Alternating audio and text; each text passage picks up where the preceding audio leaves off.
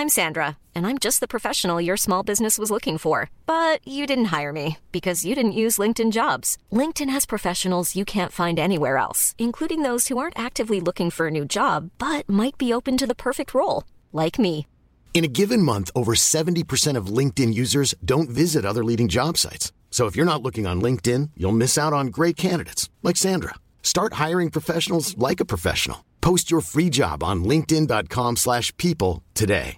It's that time of the year. Your vacation is coming up. You can already hear the beach waves, feel the warm breeze, relax, and think about work. You really, really want it all to work out while you're away. Monday.com gives you and the team that peace of mind. When all work is on one platform and everyone's in sync, things just flow wherever you are. Tap the banner to go to Monday.com.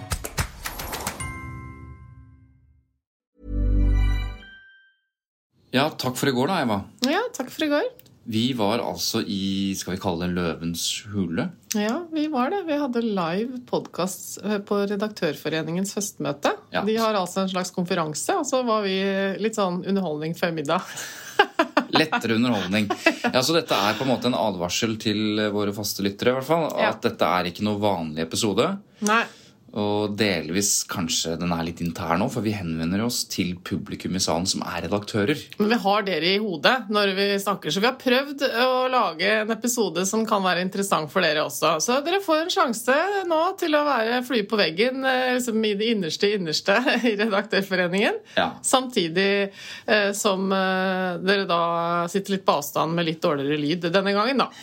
For det er vår første livepodkast med publikum. Det var litt rart, og uvant. Jeg tror ikke vi skal drive sånn med det hver uke, for å si det sånn. Men det var gøy å prøve. Og så tenkte vi at redaktører som vi snakker om og med hele tiden, å være sammen med dem var liksom relevant, da. Ja. Så hvis det er litt annerledes eh, i dag enn det pleier å være, så vær trygg på at eh, til uka så er vi back in business og skal lage episode primært for dere.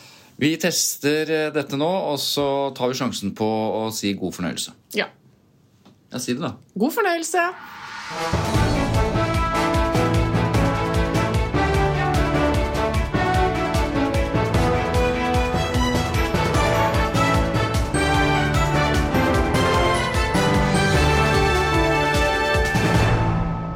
Hjertelig velkommen til eh, live podkast her på Pressens hus i anledning eh, Redaktørforeningens høstmøte. Så fancy. Fancy, ja. Betyr det at vi ikke har noen overskrifter i dag, eller? Jo, vi har overskrifter i dag. Overskrift nummer én. Hvem gransker egentlig mediemakta? Overskrift nummer to. Hvorfor er redaktører så dårlige på å ta kritikk? Ja, Så det tenkte du var greit å stille spørsmål om når alle som hører på, er redaktører. Ja, jeg lurer på om jeg angrer litt på det nå. I hvert fall at jeg ble enig om at det skulle være før middag. For det er jo noe med at etter middag så er det eh, Ja, er det ikke av fulle folk og Eller av fulle redaktører, egentlig, Av at man får sannheten? Det er det egentlig ordtaket Ja, det er det. Ja. Vi har ikke tenkt å spørre dem om noe riktig ennå, men, men vi lurer på det da her på Pressens hus, om vi skal, eh, om vi skal eh, stille noen kritiske spørsmål. Ja, fordi eh, Vi må bare si det da Vi har jo også lyttere som skal høre på dette her etter nachspielet i morgen. Eh, og Ja, de dette- hører jo på nå, da, for dette er jo opptaket. ja, ja, det kan du si. Men eh, for oss så blir det i morgen, da. Ja. Eller seinere i uka. Ja. Nok om det. Og det er vår første live podkast med publikum til stede. Ja, det er det. Hei! Men du, da har vi egentlig fått det vi kom hit for. vi. Ja, nå har vi på teip at norske redaktører hyller Tut og Mediekjør. Da kan vi egentlig bare dra hjem. Du, eh, la oss ta en eh, runde rundt eh, disse bordene. ja. Eh, altså Jeg leste for en stund siden, eh, før vi egentlig ble kjent, at du eh, Da du begynte i PFU, så var det litt som å gå til sengs med fienden. Og der satt jo et par-tre stykker. Altså redaktører. Ja, det var ikke bare et par-tre random folk, da. Nei, nei, Men nå sitter det betraktelig, betraktelig flere her. Hva tenker Ja. du om det? Nei, det, det syns jeg er veldig koselig, egentlig. Jeg føler meg litt tryggere når jeg gjør det nå. Men da jeg gikk inn i mitt første PFU-møte, så var jeg jo faktisk i 20-åra. Slutten av 20-åra. Og inn der med Altså, det var Jon Olav Egeland og gjengen som satt i det rommet. Og gjengen, ja. ja. Og Hilde Hausgjerd og Odd Istingseth og sånn. Så jeg var ikke kjempehøy i hatten. Og i tillegg, hvis jeg husker riktig, så satte jeg meg på feil side av bordet. Jeg satte meg på redaktørsiden eh, i første Altså, møte. det er som å sette seg på Arbeiderpartibordet i Stortingets eh, Ja, restaurant. eller på feil bord på lærerværelset når du er lærervikar, som jeg også har gjort. Men det skjedde noe med deg. Det var det som var poenget. Det skjedde noe Ja. når medieofferet Sandum satte seg til bords med redaktørene. Ja, ikke sant? Jeg hørte på eh, hvor mye refleksjoner det var, og hvor mange sånne ting de har tenkt på før det som kom på trykk og lufta faktisk kommer på trykk. Eh, og så Etter hvert så ble jeg mer sånn imponert over det grundige arbeidet som ble gjort. eh, egentlig. Og så, Ettersom årene gikk, så tenkte jeg Hvorfor, Dette burde jo verden få med seg. Altså, hvorfor får ikke publikum med seg alle disse refleksjonene i større grad? Og det er på en måte litt av grunnen til at vi sitter her. da. At vi har lyst til å, Ikke her akkurat nå, da. Og vi Eh, startet men- ja. For det har vært liksom premisset hele tiden at folk trenger oss. Er det det du tenker? Ja, at eh, det hadde vært eh, fint for publikum og for tilliten til pressen at eh, de hører litt mer av det som foregår i Det hører veldig positivt ut. Altså, er det ikke det vi driver med? Bare kritiserer Ja, er det det? Er det bare kritikk? Er det det? Syns dere vi bare kritiserer, de av dere som har hørt på oss? Nå vet jeg ikke om Dagbladet har kommet, men får, altså, eh, for Tanken her er jo at mediekritikk handler om medieros og mediekritikk. Altså, I det ligger jo kritikk. Ja. Altså, en kritikk av en bok kan jo være rosende, Det er riktig, ja. men vi har noe å lære kanskje akkurat her. Men du, Vi er på denne runden over dette lille bordet her. da. Så, for jeg hadde lyst til å spørre deg, du, eh, du har jo vært journalist. Og nå er du liksom over i the dark side og har blitt PR-rådgiver og greier. Altså, hva syns du om det når du driver og kritiserer de gamle, den gamle gjengen din? Jeg later som ingenting. Jeg later som jeg er en del av den gjengen. Fortsatt. Jeg går inn i redaksjoner hei, så det, det er, Jeg tror det beste er når man skal menge seg med journalister og redaktører, er late som man fortsatt er journalist og redaktør. Det er litt, er det litt, som- som den der historien du fortalte meg. Han i om- VG? Ja, Ja, altså det var, eh, jeg, Nå husker jeg ikke hvem det er, men det var en i VG som, eh, som var på et slags vikariat. Løst, eh, løst eh, Nå ser jeg nyhetsredaktøren i VG nikker, så det er riktig. Jeg er i hvert fall på riktig spor. Han hadde ikke noe lenger dette vikariatet eller denne jobben, og dere vet jo, eller det vet jo ikke lytterne våre, dette er den verste gjengen. Altså De som eh, holder løsarbeidere gående. altså Det er vikariater etter vikariater. Ja, midlertidig stilling. midlertidig Ja, ja. Så han hadde ikke noe mer midlertidig stilling, men han tenkte jeg later som ingenting. Så han bare gikk Men Hvordan kom han seg inn? Altså, Han, bare hadde, han inn det, han hadde jobbet i VG. Ja, han hadde jo ikke lenger noe vikariat, eller noe sånt, så han Ja. bare gikk på morgenmøte. Og så satt han seg bakerst der. Og de som leda morgenmøtet i VG, de hadde jo ikke noe oversikt over hvem har vi på nå på løst engasjement. Nei. Så han bare Er det noen som kan skrive det? Ja, så rakk han opp hånda. Kom med masse gode innspill. Han bare fortsett å jobbe i VG. Han lot som ingenting. Og nå er han eh, Hvem var det? Var? Det, det var ikke Geir Steiro som begynte sånn. Nei, han kom fra Bergens Tidende. Men det er i hvert fall sann historie. da En sånn halvsann. Ikke sant? Ja. Men du, apropos eh, at du, og også jeg, da, er kommunikasjonsrådgivere. Ja. Så har vi stilt det spørsmålet eh, eh, Hvorfor er redaktørene så dårlige til å ta kritikk? Ja, Det ligger et premiss der, da, selvfølgelig. Hvorfor Ja, ja, men er ikke det- om de er dårlige, men hvorfor de er så dårlige. Ja. Altså, De har et problem. ja, det er en hypotese om at de har et problem. Og hvis vi er kommunikasjonsrådgivere, så burde vi kunne hjelpe dem litt med den kommunikasjonsutfordringa der? Burde vi ikke det? Så da går vi gjennom en helt vanlig kommunikasjonsprosess. Eh, På skjermen her nå så har vi prosess for kommunikasjonsstrategi. Nå snakker jeg til lytterne våre. de som ikke Ja, er på middag. ja. Og Det første eh, man må gjøre da, når man skal forsøke å, å eh, Gitt at de er enige at de skal endre Altså seg da. Oppdraget er fra redaktørene i Norge. da Hvordan Ja. skal vi bli bedre på Ja, vi å ta de selvkritikk? oss det. Ja, for det kommer de aldri til å gjøre. Men ja, Vi setter oss et endringsmål, eller De setter seg et endringsmål for at publikums tillit til oss skal ivaretas. må vi behandle oss selv som vi behandler de vi omtaler i egne spalter. Vi norske redaktører må bli bedre til å ta kritikk og selvkritikk. Det er endringsmålet. Da pleier kundene våre å si Men er dette noe vi skal kommunisere? Må vi si det høyt? Vi kan si det i kor her nå. Det hadde vært veldig gøy. Vi redaktører Nei, de skal ikke Dette er jo et internt mål. altså De setter seg et endringsmål. Dette trenger ikke jeg forklare deg. For det, Nei da. Men også, når man da har det målet, da er det neste skrittet i den prosessen vi jobber etter, at man må finne hva er det som står i veien for å nå det målet. Hva er hovedutfordringene vi, vi har? Og da må vi være ærlige på hva de hovedutfordringene er. Skal vi se hva det kan være. Jo, nå Journalister tenkte jeg på at jeg ikke skulle avbryte deg. For Ja, nettopp. Ikke sant? Så skulle la meg lese. Journalister Journalister som får kritiske spørsmål, sender dem videre oppover til lederen sin. Det er hovedutfordring nummer én. Nummer to. Lederen sender kritikken videre oppover til ansvarlig redaktør. Hovedutfordring nummer to, ja. Og Hovedutfordring nummer tre. Ansvarlige redaktører kan jo ikke kaste sine medarbeidere under bussen. Vi går derfor til en intern prosess som vi kaller granskning. Altså ingen selvkritikk. Ja, så dette, dette er de utfordringene som står i veien, som må løses. da. Ja. Men det er jo ikke sikkert det er sant. Nei. Så da må vi gå gjennom en innsiktsfase, som det heter. Ja. Så jeg ringte til Retriever, da, som hjelper oss noen ganger med å gjøre medieanalyser når vi trenger å finne ut ting eh, og ikke bare sitte og synse. Eh, Så Det er riktignok i ettermiddag, de har ikke gått veldig grundig Nei, de fikk oppdraget litt sent. Ja, da. Men eh, de har sjekka opp om norske redaktører er gode på å legge seg flate. da. Ja. Ikke så veldig, Nei. eller? Til dere lyttere, nå står det nei på skjermen. Ja. Men eh, vi bare tuller. Dette er det de fant ut. Altså, Norske redaktører legger seg flat om lag en halv gang i måneden. Eh, altså Hvis dere ser på tallene her nå, eh, så står det f.eks. i 2018, 2019 og 2020 bemerkelsesverdig alle tre årene la, la de seg flat åtte ganger. Altså, jeg- det er jo ikke de altså, samme, da. Det jeg synes er Problemet med sånne statistikker er jo at det ser jo ut som det er ganske mye. Ja, Men du må huske på at det er 228 aviser i Norge. Ja, det er det. Så det er jo en del redaktører. Det er ikke det at de skal legge seg flat en gang hver hvert år, men det er jo Jeg vet ikke, er det mye Ja, det er vanskelig å konkludere ut ifra den innsikten her, syns jeg. Hittil i 2021 så har altså seks redaktører lagt seg langflate.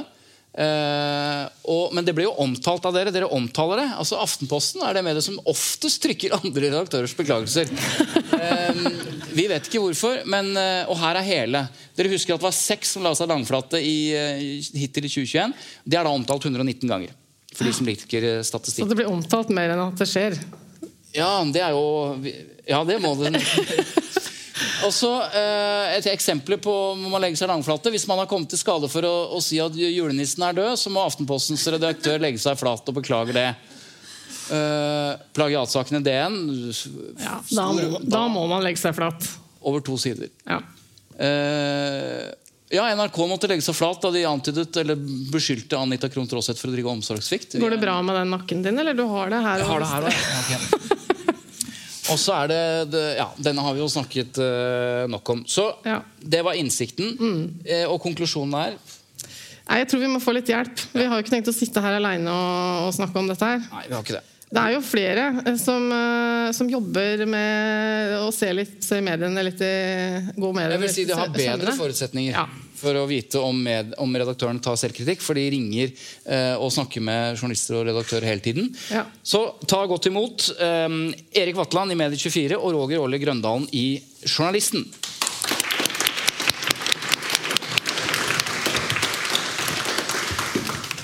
Velkommen! Hva syns dere om premisset? Altså, Hvorfor er de så dårlige til å ta selvkritikk? Eller la meg stille spørsmålet mer åpent. Eh, Hva syns dere om norske redaktørers evne til å ta selvkritikk? Jeg kan la journalisten komme først for første gang.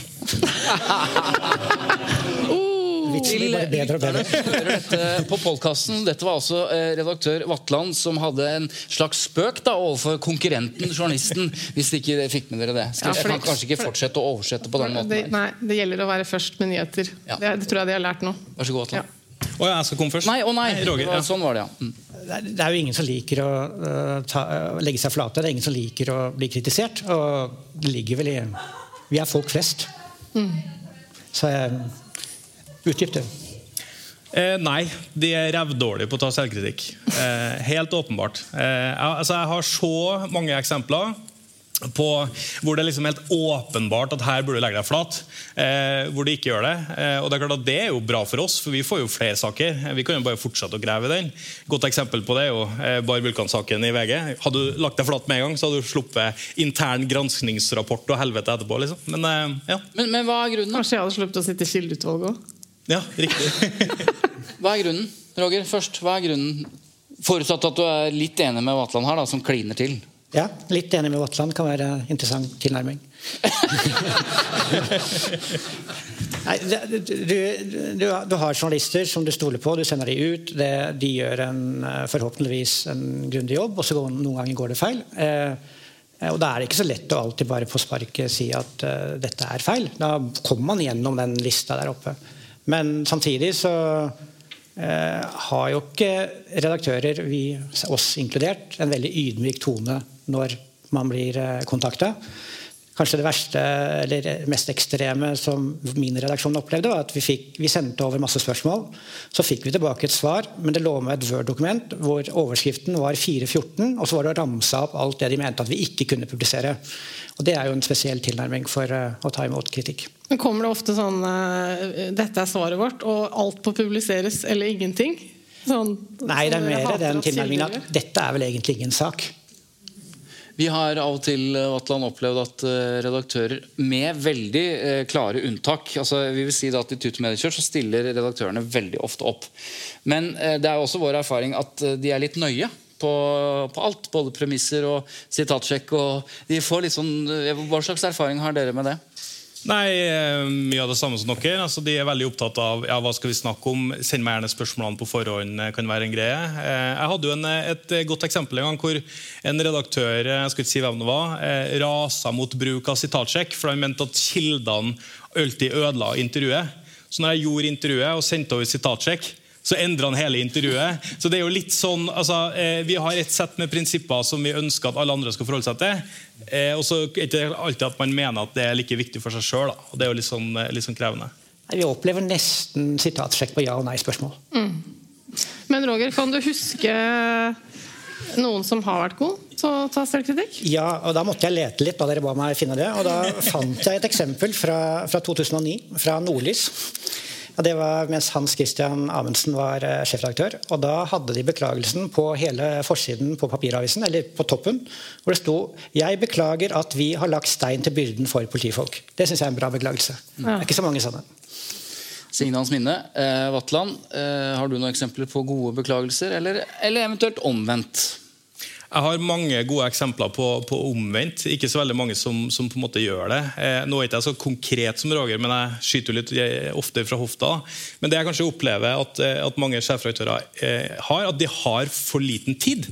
Så når vi ringer og spør om en sak, så vet de ikke hvilken sak det er. Eh, fordi at De har jo naturlig nok ikke lest den saken, for de har sittet i et møte som skal lede til et forprosjekt, som skal lede til et mellomledermøte, som skal lede til et forprosjekt på. Så de vet på en måte ikke nødvendigvis eh, hva saken handler om. Så Der handler det egentlig om å sende meg en e-post. Jeg sitter i et møte, eh, og så opplever vi egentlig da at vi ikke kommer noen vei før kanskje klokka blir fire, og da skal folk hjem uansett. Mm. Men eh, er dere enig i det jeg kjenner veldig sterkt på? At det hadde vært mer interessant hvis flere nedover i organisasjonen fikk lov å uttale seg litt oftere? Eller var komfortable med å uttale seg litt oftere? Ja, det er, er, det disse redaktørene som egentlig ikke kjenner saken, som alltid må svare? Nei, altså, Jeg vil veldig gjerne ha eh, Jeg vil mye heller ha Gøran Skålmo i DN eh, som får kommentere en sak, enn at Amund Duve er nødt til å gjøre det. Men det er ikke sikkert at de slipper til de som på en måte er mest muntlige av seg heller. da. Men, men, nei, altså vi som journalister vi ønsker jo veldig gjerne at de på gulvet skal uttale seg. Begynn å slippe til folkene deres sjøl, så kan vi nå starte der. Så får vi nå se hvordan vi er inne. Men hvor god, Vi skal snart snakke om, eh, om, hvem som skal eh, granske ut. mediene. Hvem som skal ut. Eh, dere skal snart ut, men hvem som skal granske mediene. Men jeg kom til å tenke på, Vatland, altså, hvor god er du selv til å ta selvkritikk? Nei, vi, Det går et rykte om at vi får se. da. Nei, jeg er skikkelig dårlig på det. Jeg husker en episode eh, hvor jeg ringte til deg og ville gjerne ha svar på enkle, enkle ting. Hvem er som har ansvar for å gjøre premisset klart, og når må det gjøres klart? Eh, jeg holdt på i fryktelig mange minutter. Jeg tenkte er det jeg som er dårlig til å stille spørsmål? Men vi la oss gå inn litt på slutten av den samtalen. vi hadde. Det var litt på hugget, da. Det skal sies til Eriks forsvar. jeg var gira. Jeg ville ha svar. Så hvis jeg ringer en som tipser, eh, så må jeg eller, nei, men jeg eller du eller det må komme fram i løpet av samtalen premissene for anonymitet eller ikke. Det er ikke gitt at en tipser er anonym som ringer deg. Jeg kan lese på varselplakaten for deg. Jeg sitter med foran meg, jeg, men det står ikke noe om tipses anonymitet i varselplakaten. Det er god presseskikk å gjøre premissene klare i intervjusituasjoner. Så nå leser Vatland opp Vær varsom-plakaten for meg for å illustrere at uh, dette hadde jeg ikke fått med meg. Men, du har jo misforstått. Altså, det er jo jeg som skal være mediekritiker. Nei, det skal ikke være omvendt. på en måte. Men hvor, hvor, hvor, god, hvor god, er du sjøl til å ta selvkritikk, da? Ja, hvor gode er egentlig vi? Altså Men vi har jo ikke fått så mye kritikk i starten. Men etter hvert så fikk vi, vi mer jo- kritikk. Ja, dere gjorde jo det. Eh, Det er jo ikke veldig lenge siden. eh, Vi hadde en liten, eh, dere hadde en liten føyde med Dagbladet. eh, Hvor at vi stille eh, vi, Den er vel egentlig ganske ongoing, men ja. vi publiserte en kronikk fra, fra Dagbladet som jeg mener egentlig var ganske to the point. da, eh, og Hvor vi kritiserte deres rolle. Hva var det som skjedde når vi sendte dere den eh, kronikken? Altså, Jeg var på ferie, så jeg, jeg var også på ferie, så Var det ikke midt i høstferie? Nei, altså jeg kan fortelle hvor gode vi er. Eh, vår ikke. strategi er å ikke svare Nei, vi svarer ikke. på kritikk. Eh, nei, men vi, altså, er, Vi er på ikke det, høstferie. Er det ikke det som er poenget? At det er vanskelig å få kritikk og svare på kritikk. Og det, vi var heldigvis på ferie, så, så foreløpig så har vi valgt å ikke besvare den uh, kritikken. Men det er riktig, det er ikke noe hemmelighet at jeg syns det var helt på sin plass Kritikken var meningsløs, men jeg syns det var helt på sin plass at de uh, skrev, fordi vi har jo plaga dem lenge. Så Det er jo eh, helt naturlig. Ja, altså, det har gått litt hardt utover Dagbladet i Tut og medkjør. Det skal vi jo være ærlige på. Ja. Men, men på den annen side, altså vi tester jo. Ja, vi tester hvor godt den? Dagbladet-kritikken Og vi veit vet at når vi snakker om Dagbladet, så klikker det, og vi måler, Ja, ja, vi måler eh, hele med og lesertallene, og Ja, ja. vi vet hvor lenge de blir hos oss, og de går gjennom hele det strekket som handler om Dagbladet. Ja, ja. Så dette har vi tall på. Vi, Vi måler vet at lytterne våre vil ha den type journalistikk som vi lager om Dagbladet. Men nå har vi jo en sånn debatt i bransjen om eh, målstyring, altså KPI-er. Hvor mange sidevisninger skal vi ha, eh, konverteringer til abonnement og den type ting. Og Av en eller annen merkelig grunn så havna jeg i Vixen-juryen for å kåre årets influenser. Ja, du var Eh, veldig og- ja, usikker på hva du skulle ha på deg, rart. husker jeg. Ja, det var den ene dressen jeg har, eh, så det ble den. Men poenget var jo at eh, da havna jeg på eh, sprutfylla med en haug med folk fra Dagbladet. Og da kunne jeg lære det, jeg skal ikke si hvem det var, at de har et eget kopi, som er å havne enten i Medie24 eller i Tut og Mediekjør. Så da kan vi i hvert fall takke oss med at det er i hvert fall en eh, måloppnåelse. Det der må du lenger ut på dokumentasjon landet det. Det der Det er hørtes ut som kildekritisk på et ganske lavt nivå, Vatland. Men hvis det er riktig, så skal vi fortsette med det vi holder på med. Nå skal det sies at eh, eh, ja, nei, Det kan vi si etterpå, for øvrig. Men eh, Roger, eh, til det siste spørsmålet vi ønsker å stille dere. Eh, Du belyste det for så vidt selv i en kommentarartikkel. Du etterlyste en slags mediekritikk. Altså Hvem er det som skal stå for mediekritikken? Eh, Er det dere som driver med det hele tiden? Er det oss som sitter og slarver i podkast? Hva var bakgrunnen for den? eh, Kommunikasjonsrådgivere. Ja, som Ja, da jeg, er jeg, jeg syns det er pussig at de to mest profilerte eh, kommunikasjonsrådgiverne for det vi kan kalle folk flest som vi har fått vite i dag at det er oss, det også. Men allikevel, hvis vi ser bort fra det, så er det dere. Mm. Det er ikke noen av de eh, store mediene som er gode på det i det hele tatt lenger. Eh, Medie24 er tidvis gode. Det var ros. Eh, Vi skriver om det. Men vi er fagblader. Vi skriver for bransjen. Vi skriver for dere. Vi skriver titler hvor vi bruker 4-14 i en tittel. Vi kan ikke henvende oss til folk der ute med å regne med at de eh, skjønner de tingene her. Eh, Og vi trenger mediekritikk som, eh, som når den vanlige leser. Og jeg tror det er en misforståelse blant mange redaktører om at dette er litt sånn smalt, og at vi er selvopptatte, og det er derfor holder vi oss unna det. Men at dere har, husker jeg ikke tallene lenger, 6000-7000 nedlastninger Ja, det er smalt, men eh, du kan si det er jo større enn Dagbladets podkast. Altså, så smalt er det jo ikke. Ja, ja, ja. nei, jeg bare tuller. Putt det her inn. Hadde, Tut og Mediekjør vært i en større mediehus, så hadde jo nådd mange flere. Og Det er ingen tvil om at det er en interesse for det her. og Vi ser jo også at vi snakka om tidligere i dag at det er fremdeles stor tiltro til mediene i Norge. Men den er nedadgående. og jeg tror jo at Vi sier jo at kommunene blir bedre hvis vi eh, har eh, god lokalpresse. Da tror jeg også norske medier blir bedre hvis vi har god mediekritikk. Atlan, til slutt, før vi slipper til ekte redaktører, altså de som vi nå kritiserer Jeg lurer på om du hadde noe tilføre? Ja, Ja, ja, så du ble nei, satt nei, ut altså, av det jeg tenker jo at vi, vi er jo en bransje som i mange år har stått egentlig i et, i et helvete. Da. Altså, vi har jo sett kolleger gå penger forsvunnet. Jeg kunne jo lese i dag at Aftenposten har tapt 500 mill. på på ti år. Men jeg tenker at løsningene for pressene er egentlig kommunikasjonsrådgivere. Så Jo bedre Tut og Mediekjør gjør det, jo mer sannsynlighet er det for at det går bra med mediebransjene. Så fortsett med det dere gjør nå. Vær Norges viktigste mediekritikere, og så vil det gå godt med oss alle. Vi sender deg den der Altså, flaska etterpå. Eh, du, sier, du, brukte kommentaren din 'mest profilerte mediekritikerne'. Det er jo fordi hun har vært sammen med han som er konge i Spania. Det er jo derfor vi er mest profilerte. Det er jo ikke fordi vi hvis, Dette lurer jeg på, eh, og dette er ikke kledelig, eh, kledelig beskjedenhet. Men, men vi er kommunikasjonsrådgivere, eh, og vi skjønner ikke helt hvorfor vi ikke får mer kjeft.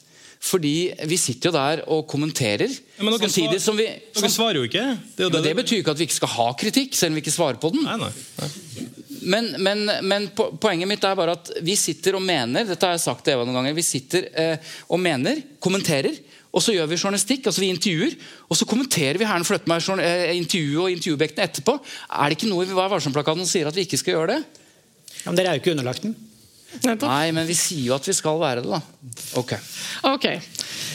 Vi skulle gjerne sittet her hele kvelden eh, og fortsatt denne diskusjonen med dere, men vi må ha den samme diskusjonen med to andre redaktører også. som vi har eh, invitert. Ja. Tusen takk for at dere tok dere tid.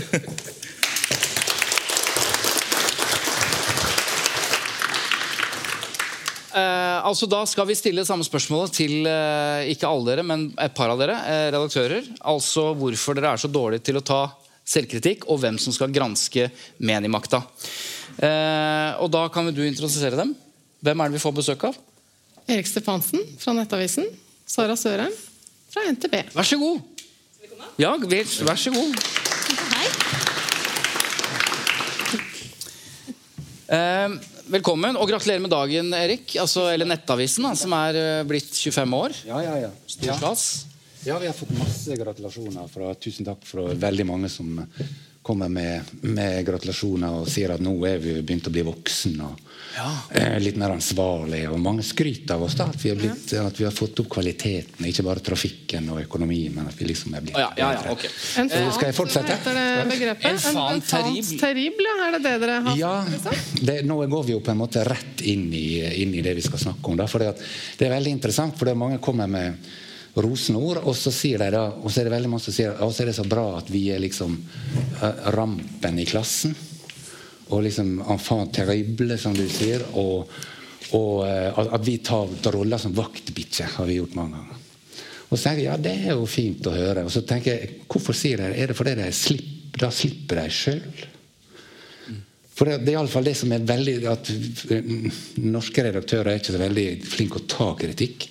Men vi er jammen ganske dårlige å kritisere hverandre også. Ja, og det er jo også litt av temaet vårt her i dag. Sara, hvordan, når du sitter og hører på øh, Vatland og Grøndalen, hva tenker du? Altså, hvor skal jeg begynne? Gi meg gjerne et, sånt, eh, et slags stikkord. Altså, jeg tenker veldig mye. Jeg kan jo si noe om det jeg tenker på akkurat nå. Som er fascinerende. Altså, jeg sitter og representerer NTB. Og jeg, vi kan vel slå fast at NTB og Nettavisen er på en måte i hver sin ende av skalaen. Um, og På hvilken måte? Nei, altså jeg tenker at um, Jeg har sansen for den um, Nå sier jeg lurvete stilen. Det høres litt nedlatende ut. Men, eh, men den eh, disrupsjonen det er bedre ord. Nettavisen har representert i norske medier i de siste 25 Du gikk årene. fort fra lurvete til, til, til, mm. disruptiv, men jeg skjønner hva du mener nå. Med god grunn, vil jeg si. Ja. Fordi, og det mener jeg helt reelt. Det har vært utrolig viktig for oss. Men, eh, altså for norsk mediebransje. Men, eh, men det er også et element her av at det finnes en måte også å gå inn i saker på, også når man er kritisk mot hverandre, eh, med et annet utgangspunkt. Eh, Man trenger ikke være liksom, den rampete gutten i klassen for å være en god kritiker av vår stand. Og der er det kanskje et slags altså, Der tror jeg vi mangler en aktør Uh, utover journalisten og Medie24, som jo gjør en veldig god jobb. Men eh, den mediekritikken som man liksom fører selv, kanskje et forum hvor vi redaktører møtes for å snakke sammen med innestemme, det kan jeg vel si at jeg savner litt. Og det er ikke til forkleinelse for at Nettavisen innimellom druser til, og, og du har jo dine meninger om pølsefester og andre ting som Ja, ja, ja, med, og det er veldig bra, men, men liksom, vi burde jo hatt en arena til. Men det er jo ikke så rart at, at altså jeg, jeg forventer ikke at, at Sara og NTB skal kritisere norsk mediebransje. For at dere er eid av norsk mediebransje. Akkurat det gjør det bitte litt krevende, faktisk. Ja, ikke sant? Også, men det, men det, jeg, jeg, jeg vil trekke tilbake til, til, til uh, i formiddag. Så min kollega Snorre Valen hadde noen gode, gode Altså Tidligere SV-politiker eh, Snorre ja, i, på, på, i, i, I debatten om mediekonsernmakta osv. hadde et par gode uh, resonnement der. Blant annet det at, at eh, du vet, eh, Han mente det, det eller kom med den undersøkelsen at, at hvis du sammenligner titler og sånt på de ulike konsernene, så klarer ikke du å se forskjell på om det er, er det Polaris eller er det Amedia eller er det Schibsted. Og, og da, Hvis du sier at journalistikken blir ensretta, så er jo meningene enda mer ensretta. Ja. Vi er jo så like og vi er så enige med hverandre, og særlig gjelder det Oslo. Jeg tør påst, komme med den påstanden at hvis vi tok alle politiske redaktørene i, og kommentatorene i Dagbladet, VG, Dagens Næringsliv, NRK og kasta opp i lufta, og så datt de tilfeldig ned Ingen hadde lea på et øyelokk. Ingen hadde merka forskjell. Hva mener du hvis det hadde Jo, blitt ja, men- men med partner, Ja, ja, ja. partner, liksom? Fridtjof Ja. Jacobsen var i VG tilbake igjen, og Alstadheim plutselig var i DN igjen. ikke sant? Og, så, og dette er nesten ingenting. Fordi at, og det er jo en Jeg skal ta en parallell til som man, som man tok. Men kan, før du, Ja. hold, hold den parallellen. Hold den. Hva vil du si til dette, Sara? Nei, Jeg sitter og lurer på om det egentlig er sant. Eh, Fordi at um, Bra, Arne. Ja, ja, det er det, eller ja, det er det ikke. Vi lytter fortsatt til deg.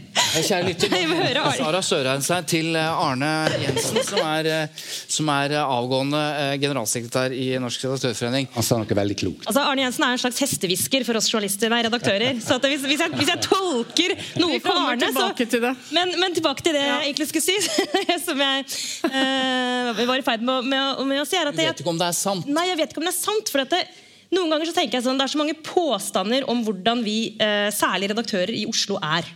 Og, og det er nesten like Eller kanskje i enda større grad en sånn ensretta type kritikk. Som for meg altså kan jeg bare snu på det og si ta alle profilerte redaktører utenfor Ring 2 eh, altså, og bytte plass på dem. Vil vi merke forskjell? Så, Ja, ja, det vil vil vi. vi det? Altså, vil du merke forskjell Er det så mange av dem? da? Kan de bytte plass? Det er veldig mange av dem. Vi har jo I jubileumsåret så har jo vi satt i gang da Norsk debatt. Der vi har tilgang til debattartikler fra 70-80 av medieaviser rundt hele landet. Og jeg skal garantere at mediemangfoldet der er mye, mye større. Og litt For å igjen dra tilbake til Snorre Valen Nå skulle man tro at jeg hadde et forhold til han, det har jeg ikke. Men altså, han kom med denne teorien. Da, altså Hvorfor er det så vanskelig for oss Altså det at vi av og til gjør ting ikke nødvendigvis fordi vi vil det, men fordi strukturene ligger sånn. Eierskap, blant annet. Og Grunnen til at vi har denne enigheten i Norge da, fordi at Når redaktørene stort sett altså, Vi, vi, vi, vi kjefter jo ikke politisk på hverandre på lederplass engang. Så, så, så hvordan skulle da VG plutselig liksom fyre løs mot Dagbladet? Nei, det går ikke. Og, men, men, men for, for, for å fullføre re- resonnementet, fordi at for eierskapet, da hvem er det som, Nå har vi jo fiksa det slik da, at det er norske medier som eier NTB, som kunne kritisert oss. Det er norske medier som eier PFU. Og det, det er jo veldig fint med den selvdømmeordninga. Det er norske medier som eier faktisk.no, som skulle være ei vaktbikkje. Det er norske medier som eier Institutt for journalistikk, som har noen fagetikere. Og det blir vanskelig, sant? Og nå så har vi flytta inn i Pressens hus. Alle sammen. sant? Så nå skal vi til og med gå og spise lunsj i lag. Nå syns jeg du lager Men Erik, ja, for det her er Dette er gøy. Jeg gleder meg til å diskutere med Erik Stefansen. Ja. uh, ja, virkelig. Uh, også fordi at uh, nei, det- ja. Nei, vent, bare vent litt, det kan være noe Sara. Hvorfor? Hva er, alter, altså, hva er alternativet? Ikke sant? Fordi, og det, er, jo- det er jo helt relevant å kritisere eiermakt, og det, det er vår jobb å gjøre. Det har vært masse interessante diskusjoner også i dag om nettopp hvordan vi som redaktører forholder oss til den eiermakten og, og redaktørplakaten og verner om den. Men nettopp derfor så mener jeg at det overdrevne fokuset på at vi er eid eh, av for eksempel, altså vi i NTB, vi er eid av norsk mediebransje, vi er en spesiell konstruksjon. Det er ikke så relevant, vi driver ikke meningsjournalistikk heller. Men se på de meningsbærende avisene. Hva hadde vært et bedre eierskap?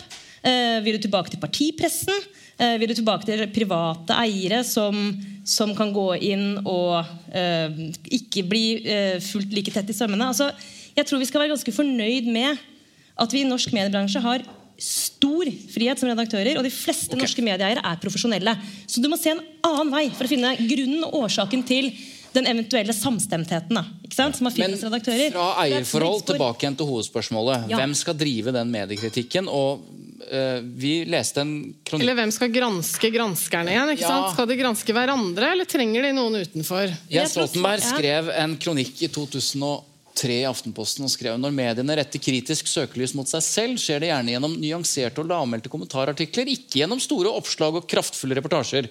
Det er stor forskjell på å få noen kritiske kommentarer mot seg og bli smurt utover førstesider og helsider. Han skrev det på halen av den såkalte Tore Tønne-saken. Både Aftenposten og Dagbladet kommenterte dette. Stort sett alle aviser hadde kommentarer i etterkant av det her. men i hvert fall så jeg en anerkjente på en måte at han Ja. løftet debatten. Og Men dette- jeg syns det er et veldig viktig poeng, og jeg, syns det gjelder fortsatt. For det bedrives jo en god del eh, mediekritikk i spaltene. Men det er, eh, jeg syns f.eks. at Aftenposten gjør det ganske ofte i den bak forsiden-spalten som eh, de hadde. Jeg vet ikke om den heter det lenger. Jeg ser flere gode sånn redegjørelser for valg og litt kritikk av seg selv og hverandre, men det er kommentar. ikke sant? Det blir ofte i de spaltene som ikke blir de store sakene. Ja, det blir det. Det som er eh, Ja, for bare, bare kort for å svare deg. Altså, jeg, jeg tar ikke dette med eiendomsforholdene som en, eller en kritikk at, at det burde vært annerledes. Men vi var klar over de mekanismene der.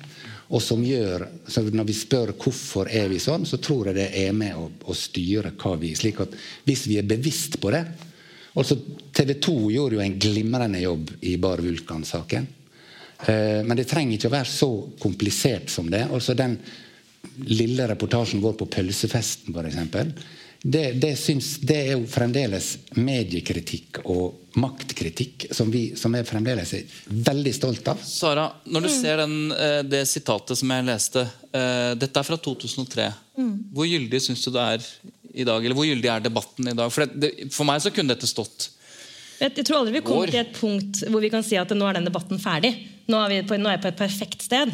Eh, og det er, en, det er en iboende utfordring at vi som er de som skal granske makta, er de vanskeligste å granske. Det, det er en slags nå heter det på fint, tautologisk situasjon. Ja, nå skal jeg ikke ljuge på meg noe uttalelse jeg ikke har, men, men det, er en, det, er en, det, er en, det er et paradoks. Mm. Så det er noe vi må jobbe med hele tida.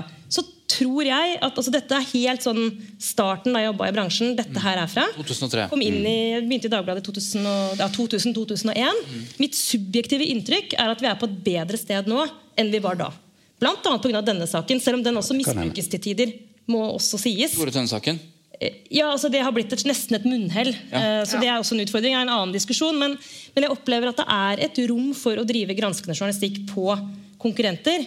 Men jeg tror vi skal være helt ærlige og innrømme at det, men det er krevende. Fordi vi kommer så tett på våre egne kilder, vårt eget, vår egen metodikk. Så derfor tror Der jeg har svaret Stefansen et poeng hvis man Ja, er for tett eh, på hverandre. i det daglige. Derfor er svaret at mediekritikk skal ikke ligge ett sted. Det er egentlig det korte svaret. Det må være mange som driver med det. Det må være sånne fra the dark side som dere to, som skal piske oss. Og så må vi drive med det sjøl. Så har vi faktisk en veldig god selvdømmeordning i norsk mediebransje. Det er litt sånn forslitt å sitte her i Pressens Hus og skryte av, av PFU-ordningen, men det er på sin plass. Fordi den virker. Så vi må liksom ikke bli selvfornøyde, men det er ikke noe grunn til å gå helt i skammekroken heller.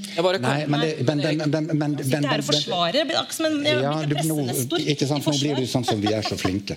Og jeg blir den som skal gjøre Nei, vi er ikke så flinke. Men det er klart, eh, det som er viktig, er at vi må gjøre det i mye større grad. Og så tok jeg med den frihet å lese liksom ekstra i Vær varsom-plakaten. da. Og i den paragrafen som, som omhandler dette her om kritikk og sånn, der står det at det, det er pressens rett å granske uverdige, urettferdige ting i samfunnet osv. Er du nå på første kapittel 1.4 og 1.5? Ja, men det er pressens plikt å saumfare og drive selvkritikk. Men det er faktisk ganske sterkt, det.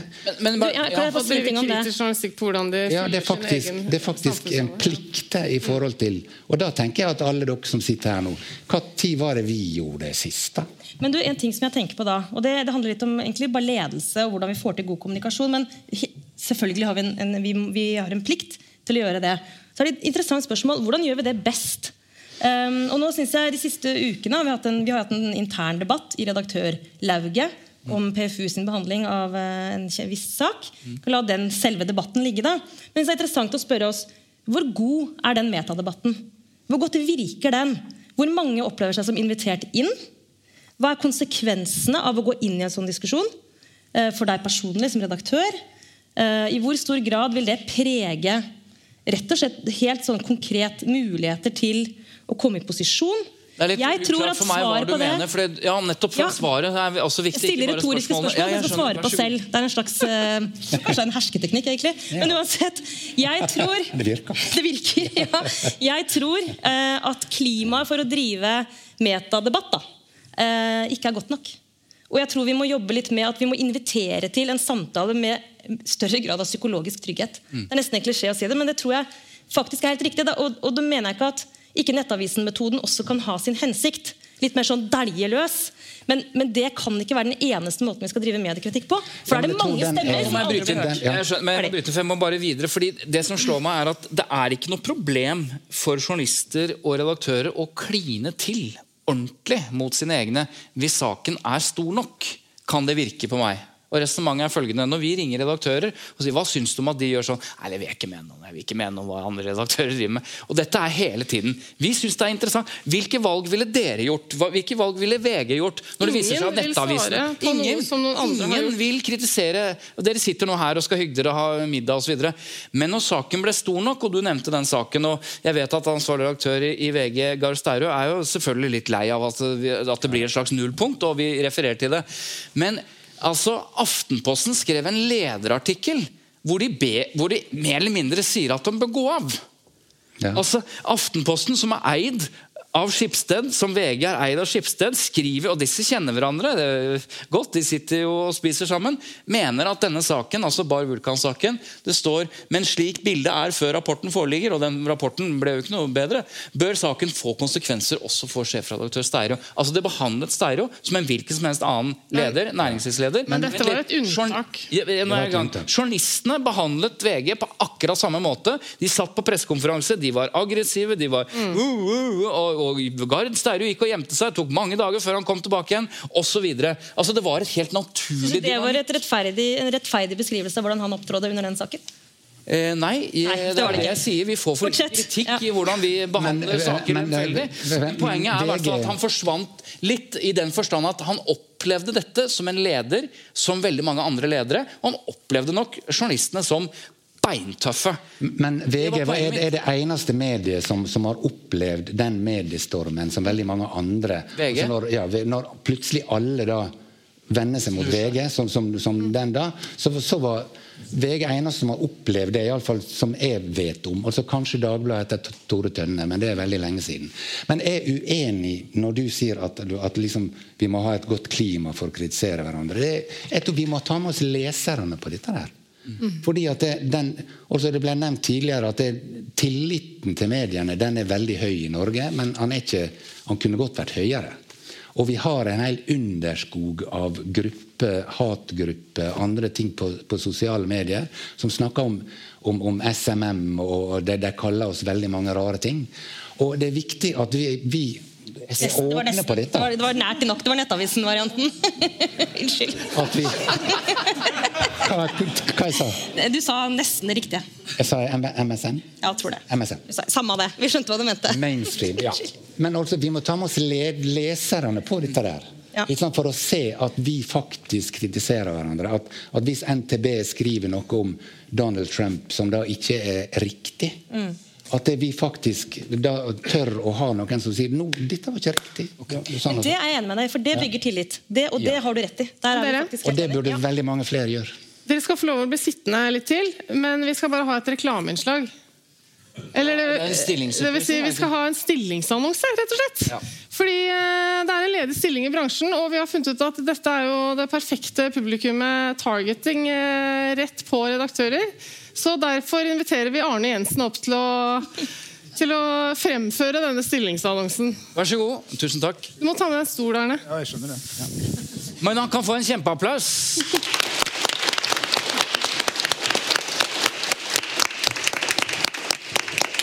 Dette er altså generalsekretæren i Norsk redaktørforening. Og for lytterne som ikke kjenner ham, selv om han har, vi har hørt stemmen hans i Tut og Mediekjør tidligere, så er det altså nestor. Eh, Det er eh, hotline for redaktørene. Da møter du Arne Jensen i andre enden. Og det har jeg skjønt etter å ha lest Facebook-posten eh, fra i går, når han la ut at han skulle gå av Ja, for det er det som er som, han skal gå av. generalsekretær.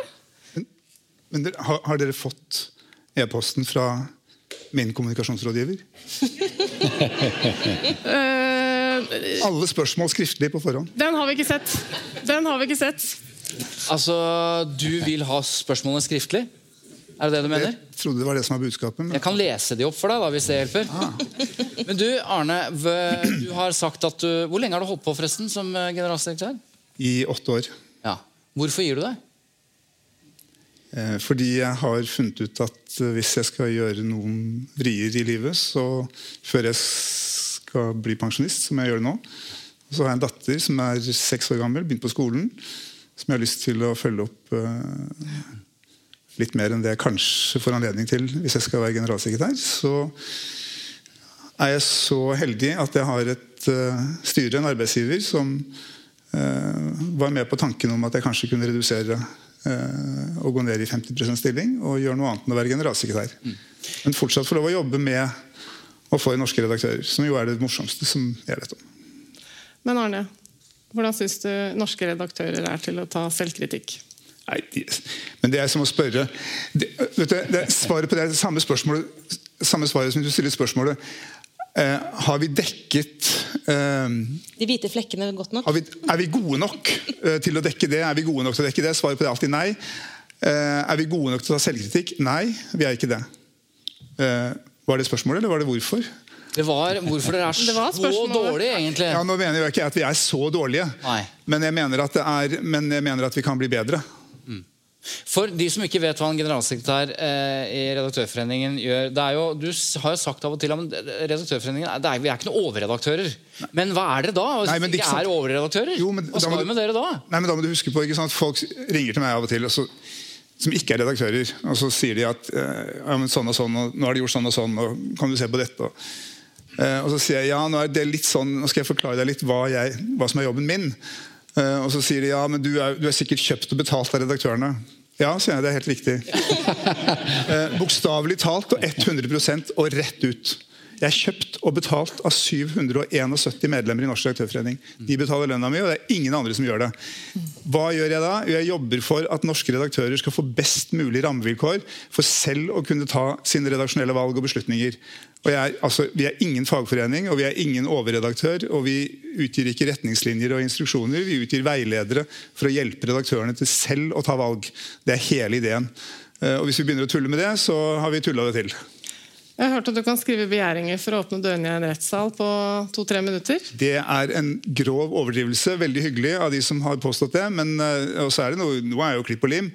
Eh, Men, eh, men vi jobber med det òg, ja. Du kan hvis du må.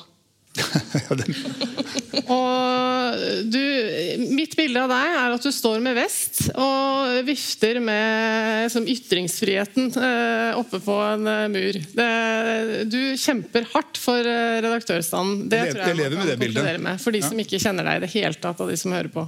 Hva vil redaktørene som da betaler lønna til han som nå skal gå av, si når, når han nå skal gå av? Sara Sørheim, hvem er Arne Jensen? Du, altså, han er noe så altså, eh, en utrolig viktig og sentral veileder og rådgiver for sånne som meg, som, er- som, er, som har som jobb å følge den plakaten som står i veggen her. Mm. Redaktørplakaten. Ja, det er en faktisk plakat hvor den teksten til redaktørplakaten står på, trykket på. Og det er jo vårt, eh, måte, det er vårt arbeidsdokument, vårt viktigste verktøy. Men det er ikke sånn at det alltid er så lett å vite hvordan man skal anvende den i praksis. Og For å, for å beskytte det instituttet, som jo er grunnlaget for mediefriheten, og nå er det pompøst fordi det er faktisk så viktig at man må bruke disse ordene, så er det sånn at i hverdagen da, når liksom ting står på, så kan man ringe til Arne, og så får man et lite sånn du, liksom, hva, Hvordan skal jeg forholde meg til dette? Og så får man da ikke beskjed om hva man skal gjøre, men hva f.eks. redaktørplakaten sier om dette, hvordan, hvordan det bør tolkes. Og de tingene der i hverdagen er jo det som gjør at um, når vi løfter blikket og skal uttale oss om norsk mediebransje og kan si med hånda på hjertet at, det, at ting fungerer ganske bra, og at norske redaktører har sin frihet i behold, så har Arne Jensen en liten del av æren for det. Og det er jo på en måte det som denne foreningen er til for. Det er derfor vi betaler lønna di med glede. Tror jeg vi kan si på vegne av hele dette rommet. Jeg må bare, jeg må, ba- du, du skal få ordet, Erik, men jeg må bare be Arne veldig kjapt, fordi vi har en del som hører på, som antageligvis aldri har hørt om redaktørplakaten før. for Vi snakker alltid om Vær varsom-plakaten. Kan ikke du si veldig kjapt hva da redaktørplakaten er i sammenligning? Jo, Redaktørplakaten er en, en avtale mellom medieeierne og redaktørene. Ja. Om at medieeierne skal gi fra seg en del av den styringsretten som eiere i andre bransjer og andre selskaper har, til redaktøren. Eh, og Motsatsen til det er jo at redaktørene har et personlig ansvar for alt som publiseres. Og den andre delen av motsatsen er at dersom du som redaktør kommer i det som heter uløselig konflikt med utgivergrunnlaget, så må du trekke deg som ansvarlig redaktør. Du må, du må akseptere på en måte hovedpremissene og rammene for den redaksjonelle virksomheten. Eksemplifisert dersom eh, redaktøren som Mari Skurdal i Klassekampen finner ut at den internasjonale monopolkapitalismen er en strålende idé, og markedskreftene bør få herje fritt, eh, så er det slitsomt.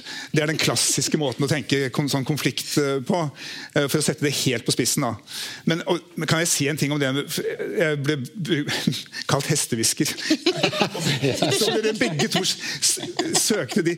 Og så sier jeg Men Erik jeg er jo enig Det, det er klart at Du er enig med Erik, ja? Nei, jeg er ikke det. hva mener du? Ikke helt. Fordi hvis du Kommer nyansene. Jeg Ja, når mannen får prate. Ja, ja. Jo, men ikke sant?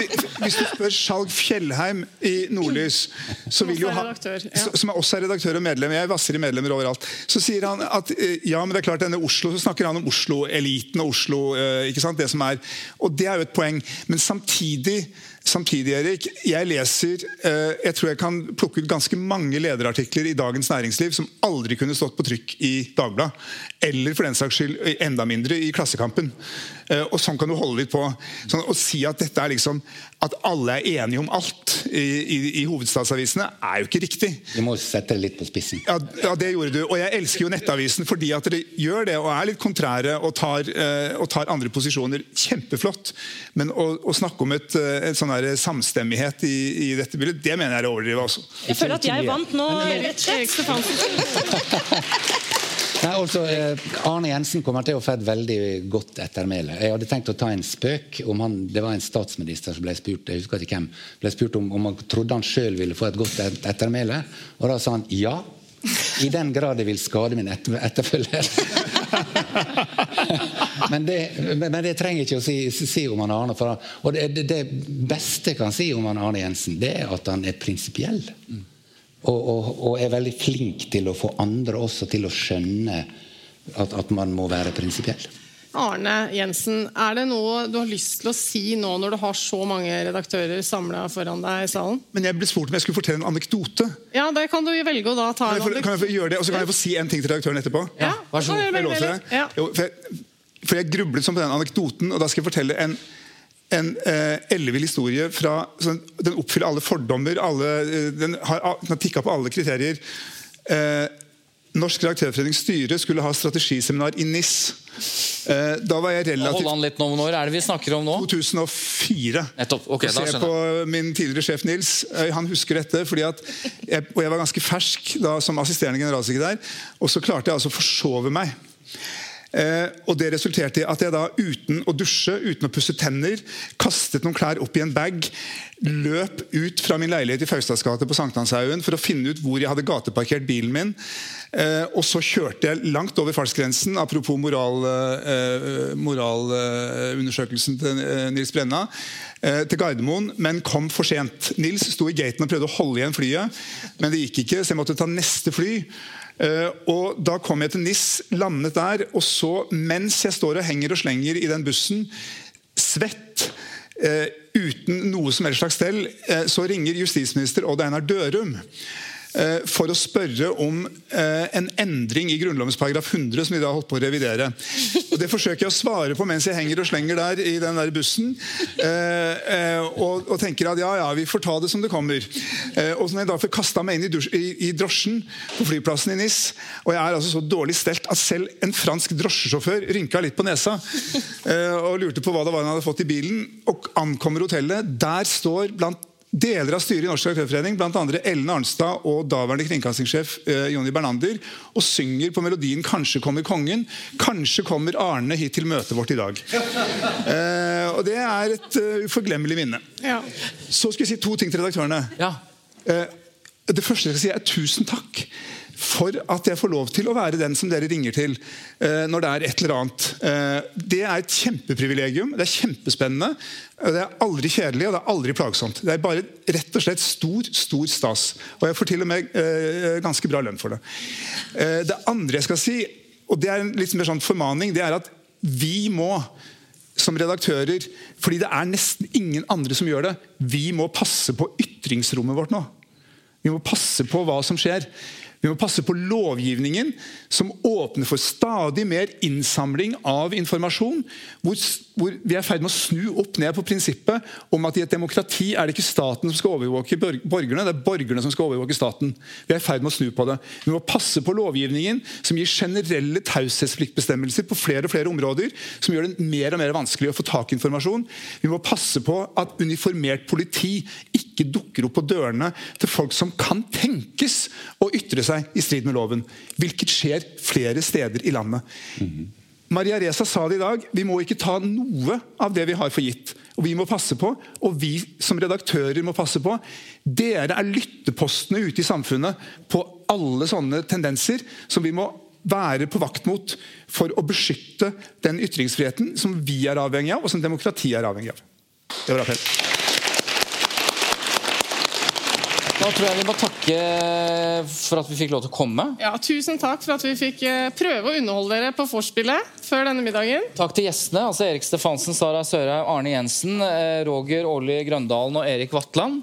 Takk til Lyder Produksjoner og takk til Fritt Ord, som vanligvis støtter oss litt. Og ha en veldig hyggelig kveld og middag her på Pressens hus i Oslo. Tusen takk for oss.